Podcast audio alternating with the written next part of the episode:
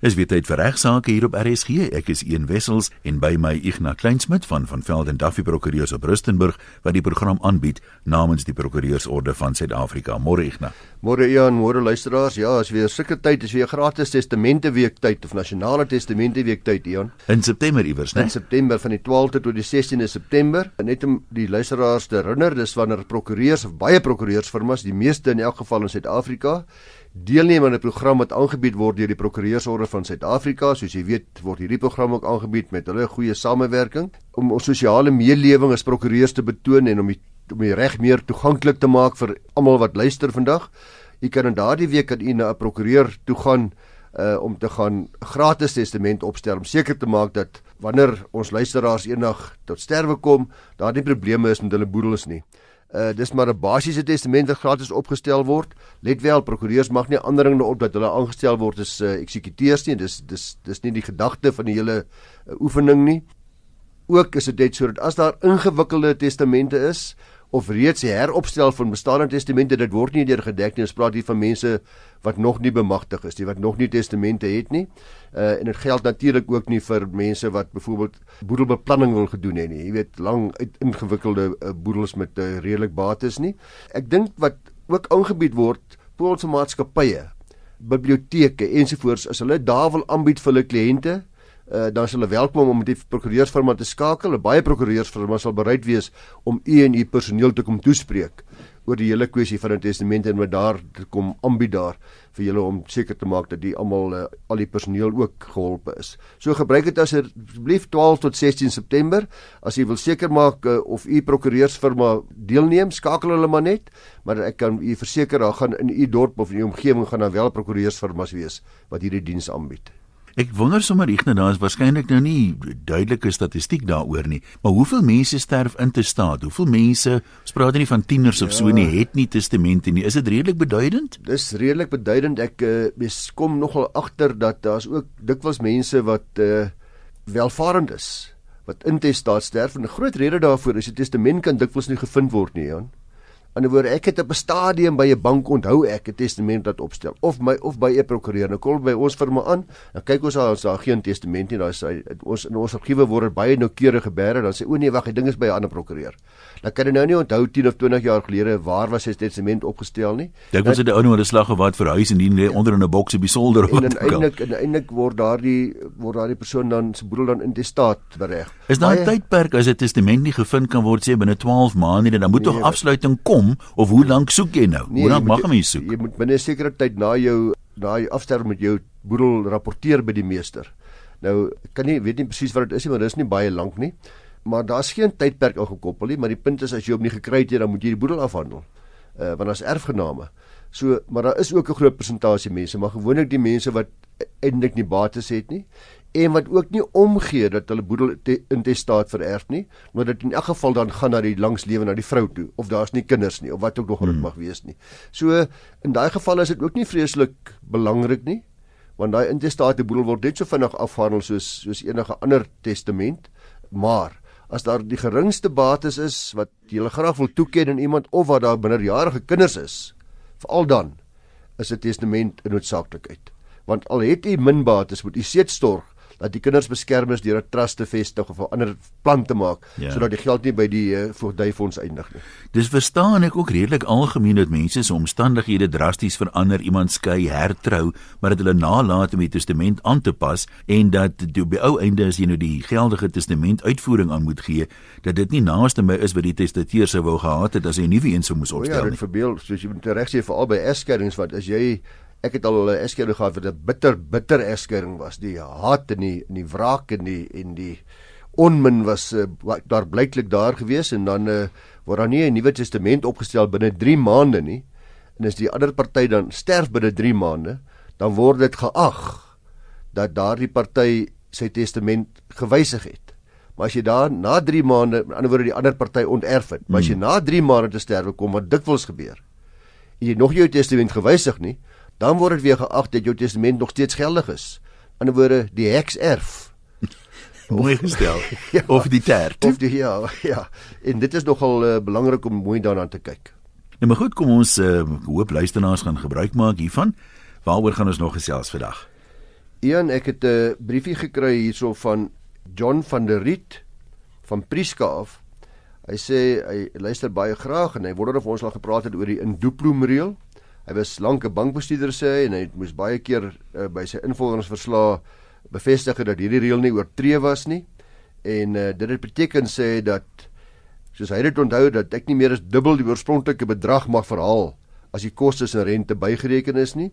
En dan sê deesdae lees mense gereeld in die media van 'n uh, eis wat oorspronklik iets soos R99 was en dan uiteindelik iets soos R4000 wat terugbetaal moet word. Dit is so. Mense hoor dit baie gereeld veral by skuld, skuld uh, besoldigingsbeslagbevele.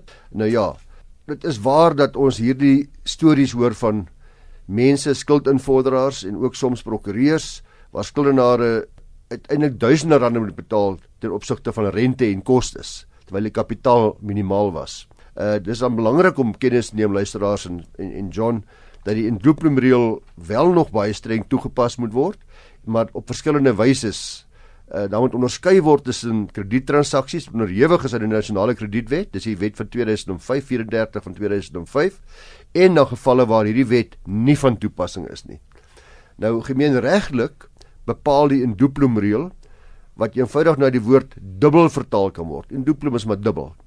Uh dat rente ophou loop sodra dit gelykstaande is aan die uitstaande kapitaalebedrag. Dit het ons nog altyd so geken voor die nasionale kredietwet. In ander woorde as jy dat dis waar die wet nie van toepassing is nie, sodra rente dis veroorsaak dat die uitstaande bedrag van R100 tot R200 verdubbel het, dan is die maksimum rente behaal en sal dit nie verder loop nie.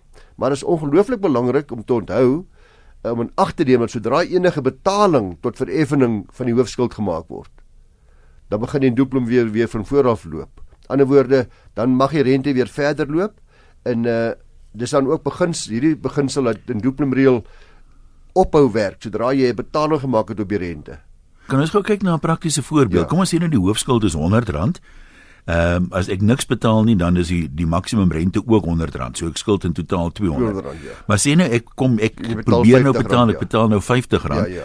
Die dubbelum reël loop nou weer maar is dit op R50 of of weer op R100? Nee, nou nou nou word die totale skuld R250. Met ander woorde, die R50 word nou weer verdubbel. Aha. Jy verstaan. En dis bevestig hierdie nou in 'n saak van Standard Bank appelhofsaak Standard Bank of uh, versus Unihati Investments en ons beperk al in uh, 1998. Maar hierdie gemeenregtelike reël luisteraars is belangrik word toegepas net op gevalle waar 'n nasionale wet nie van toepassing is. Kom ek gee 'n voorbeeld. Byvoorbeeld 'n skoolfondsrekening is gewone van gewone publieke skole. 'n uh, 'n doktersrekening wat nie wat die dokter nie rente gehef het nie. Daar is die nasionale kredietwet nie van toepassing nie en dan beteken dit die R100 mag net R200 word en niks meer nie. Ja, by meentuiskomplekse daai ja. heffings is dit ook uitgesluit van die wet. Ja, sodra die nasionale kredietwet van toepassing is. Nou is die vraag wanneer is hy van toepassing? Dan geld die gemeenregtelike en doelpremerieel nie meer nie, maar artikel 103, ek gaan nou net daarby kom, van hierdie wet bepaal dan spesifiek dat rente en let wel, rente en kostes. Gemeenregtelik was dit net rente. Nou sê die kredietwet, hy maak dit nou erger vir daai gevalle. So jy kan nou as jy 'n paar briewe moes skryf of oproepe maak dan Correct. dis die koste dat rente en kostes mag nie dubbel die uitstaande kapitaalbedrag oorskry nie en die kostes waarvan hier gepraat word is nog 'n redelike wye definisie. Dit sluit in administrasiekoste soos aanwasfooie, diensfooie, kredietversekeringsfooie en invorderingskoste. So alle kostes, die prokureurskoste van die begin af, van wat jy die leer gevat het of die invorderaar of wie ook nogal of die bank al daai kostes wat aangegaan is, mag nooit meer wees as die R100 saam met rente nie. So dis nogal redelik, dit maak 'n groot verskil in die bedrag wat verhaalbaar is. Uh en hierdie interpretasie van artikel 103 is ook deur die Appelhof in Netbank teen die nasionale kredietreguleerder en ander in 2011 bevestig. In daai saak het die hof verklaar dat verdere rente of koste nie gehef mag word nadat die indroeploom eenmaal bereik is nie. Weereens, soos ons voorbeeld nou-nou, al betaal jy nou intussen. Mm. Dit bly altyd net die maksimum van R200. As dit R100 kapitaal was, R100 plus al my rentes, al my kostes, administrasiekostes, diensfooie, invorderingskostes, maksimum R200 dan nou ook opbetaal. Nou net om vinnig weer te sê waar die nasionale kredietwet van toepassing is. Dit is onder andere die volgende tipe van transaksies. Dis 'n uh, kredietfasiliteit soos 'n kredietkaart, oortrokke fasiliteit. 'n uh, Krediettransaksie waar betaling uitgestel word en rente gehef word, soos byvoorbeeld 'n uh, 'n lening of 'n verband. Dis altyd by die sodra jy die woord rente hoor, in 'n berekening van rente, dan moet jy weet die kans dat die wet van toepassing is uitstekend. Uh dit kan ook 'n insidentele kredietooreenkoms insluit waar enige betaling uitgestel word. Aan die ander jy, jy betaal eers later en rente word gehef op laatbetalings of afslag word gegee. Want dis 'n ander vorm weer. Afslag word gegee indien jy voor 'n sekere tyd betaal. Nou dan kan jy klomp vrae vra en dan kan jy hier volgens jy kan bepaal is die wet van toepassing of nie, maar in die meeste gevalle deesdae waar die woord rente of afslag of uitstel ter sprake kom. Soos by kredietkaart, oortrokke fasiliteite, allerlei goederes, dis waar die wet van toepassing is. Die gewone geval tussen my en jou waar ons gewone reëlingkies tref, as jy betaal oor môre en daar's nie rente ter sprake nie ensovoorts nie, dan is die wet nie van toepassing nie. Mense wil nou nie valse beskuldigings en so aanmaak nie, maar jy hoor nogal redelik gereeld van ouens wat kansse vat. Ek het nou die dag met iemand gepraat wat finansiële in die moeilikheid is. Toe sê sy by al hierdie berekening van koste is daar nou 'n soekfooi by, maar sy sê sy bly nou al jare in dieselfde huis met dieselfde telefoonnommer, sy het al meer as 10 jaar dieselfde selnommer. Nou wat 'n soekfooi is dit dan nou? Ja nee, presies, jy weet, dis 'n soort van daar word ongelooflike oneerbare optrede gekoppel aan die verhaal van skulde veral deur mense wat nie gekoppel is aan uh, aan aan beheer nie. Ja. In die by die prokureurs en is daar baie streng beheer wat daaroor uitgeoefen word. Uh en uh, maar mense moet maar versigtig wees vir mense wat skuld by jou probeer vorder en dan met 'n knopkierie of met 'n mm. hofbal kolf wil kom en probeer verhaal en vir jou vertel. Uh, ek beveel ernstig by mense aan uh om dadelik jou prokureur te gaan vra en te sê hierdie is die bedrag wat ek geskuld het. Sodra dit meer as dubbel is, kyk maar. Dan moet jy maar mooi kyk. Met ander woorde, is 'n mens geregtig neem ek aan as jy iemand nou sê maar jy skuld my nou nie meer 10000 nie, maar 20000, maak nie saak wat die bedrag is nie, om te vra vir 'n uiteensetting hoe is ja, die bedrag saamgestel? Ja, ja. Die beheerliggaam van skuldinvorderaars verplig hulle om vir jou 'n behoorlike insetting te gee van hoe die bedrag saamgestel is. Ook die prokureursordes verplig prokureurs om op aanvraag. Ek wil nou nie dit verkeerd sê nie, maar ek dink dis minstens eenmal per jaar. Want jy kry skuldenaars wat elke week vir jou pla.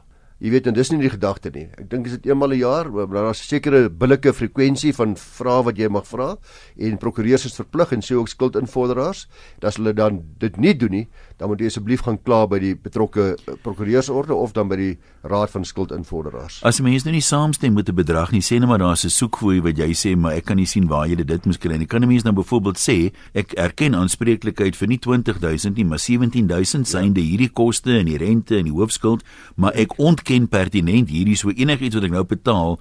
En gewoonlik betaal jy mos eers die kostes en dan aan die skuld. Dit is uitgesluit daarvan ek se plaas dit nou in dispuut. Wat ek vir luisteraars aanbeveel is wat prokureurs doen. Ek sal na die rekening kyk as die kliënt of my bring en sê meneer, dit was jou R100 gewees, hier's dit en jy kan nie hoef nie meer te betaal as R200 plus hierdie billike redelike kostes nie. Dan sal ek 'n briefie skryf en sê hierdie balans word nou getender in vol en finale verheffing. Ja, hierdie kliënt vir my skuld nog R13. Of argumente en dalwe my kliënt het reeds te veel betaal. Jy moet dit binne 'n sekere tyd terugbetaal by versuim waarvan ons moet dagvaar. Ongelukkig moet jy steeds die regsroete volg. Ja, ja. Uh jy moet dagvaar vir geld wat te veel oorbetaal is, maar waar jy nog nie te volle betaal het nie, bied die balans aan om volle en finale vereffening en daag hulle maar uit met jou te dagvaar as hulle sou wou. En die goeie nuus is dat bitter bitter selle my loopbaan het ek al gesien dat hulle wel dagvaar. Hulle weet, hulle vat kansse en hy sluit daai leer oombliklik eh, want is net dood eenvoudig nie die moeite werd vir hom of sy kliënt nie. Dit is veral die probleem kom Ian waar mense skulde gekoop het. En dan word ek vorder ek vorder nou die besigheidjie se skuld wat ek gekoop het vir my eie sak in. En nou wil ek opmaak.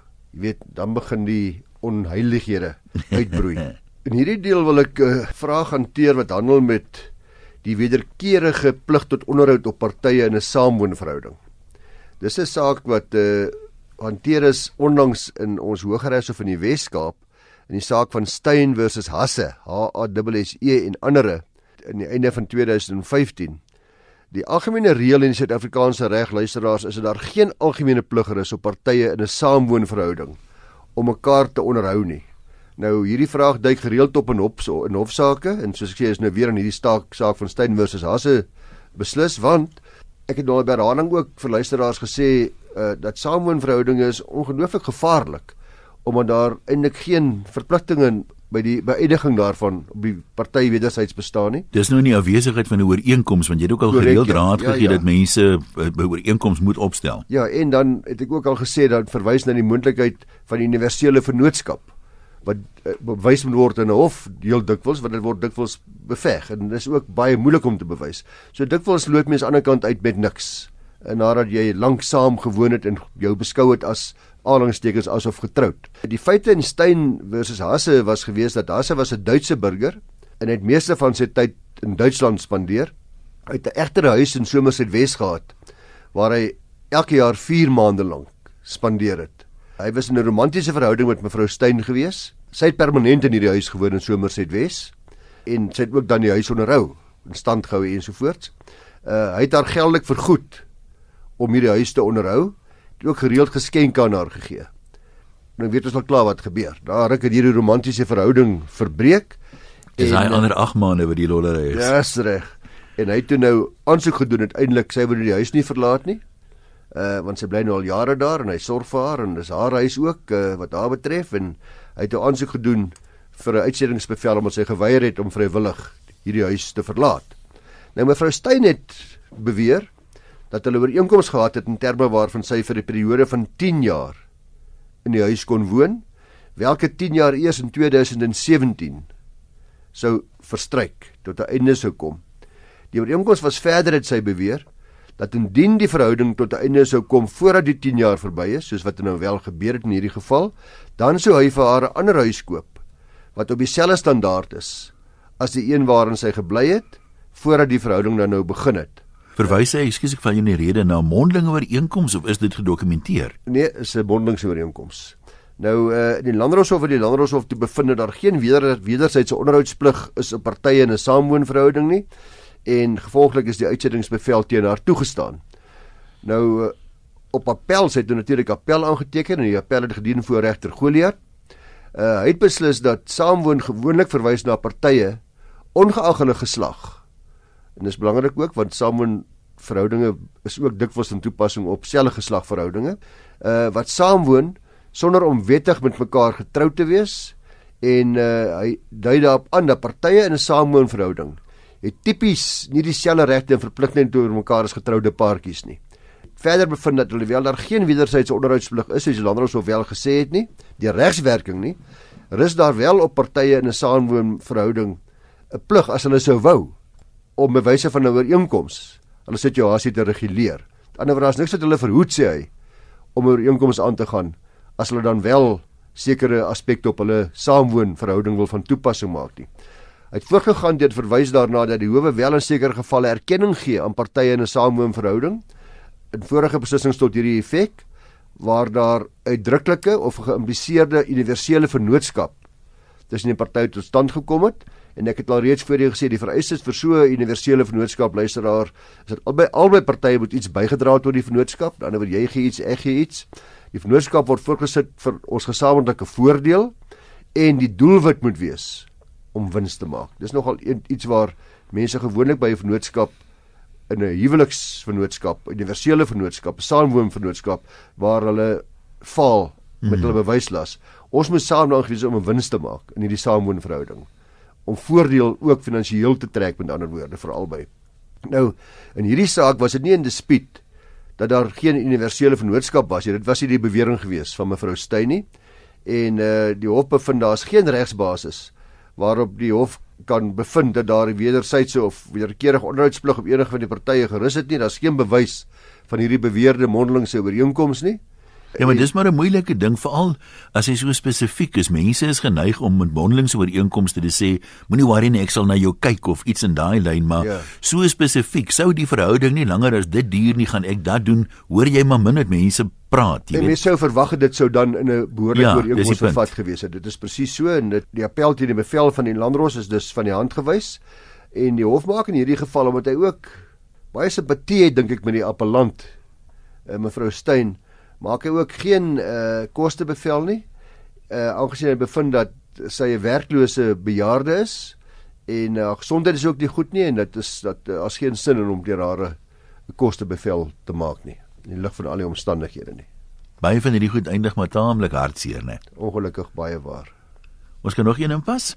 Bietjie met die boere gesels miskien uh om te sê hulle moet tog maar seker maak dat hulle drade behoorlik in stand gehou word en ek kon nie die hofsaak opspoor nie.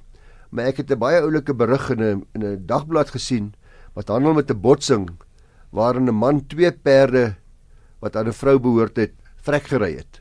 'n uh, Ene meneer Miller het 'n aksie ingestel vir skade aan sy dubbeltjie Mazda Drifter en uh, me van Brugge het weer 'n eis ingestel vir die waarde van haar twee dooie perde. Nou sy stel ook eis in verskok en trauma weens haar verlies, want die perde was blykbaar baie na na haar gewees, het 'n uh, besondere band met hulle gehad en die botsing was laat aand op die 13de Maart 2012 'n paar kilometers buite Carolina dit plaasgevind. Daar uh, op die Mpumalanga die Wonderfontein teerpad. Uh die spoedbeperking daar is 120 km/h. Volgens die berig in die koerant beeld het die perde uit die plaas gekom deur oor 'n heining te beweeg. Dit was 'n plaas wat me van Brugge gehuur het. Maar sy het verantwoordelikheid nou gehad op daardie stadium as huurder van die plaas en die bakkie het volgens getuienis 110 km/h gery want dit is die die spoedbeperking 120 en die hoofligte was aan. Meneer Miller het gesê hy het 5 of of 6 perde gesien wat oor die pad beweeg het. Hy het rem getraf, uitgeswaai en twee van hulle getref.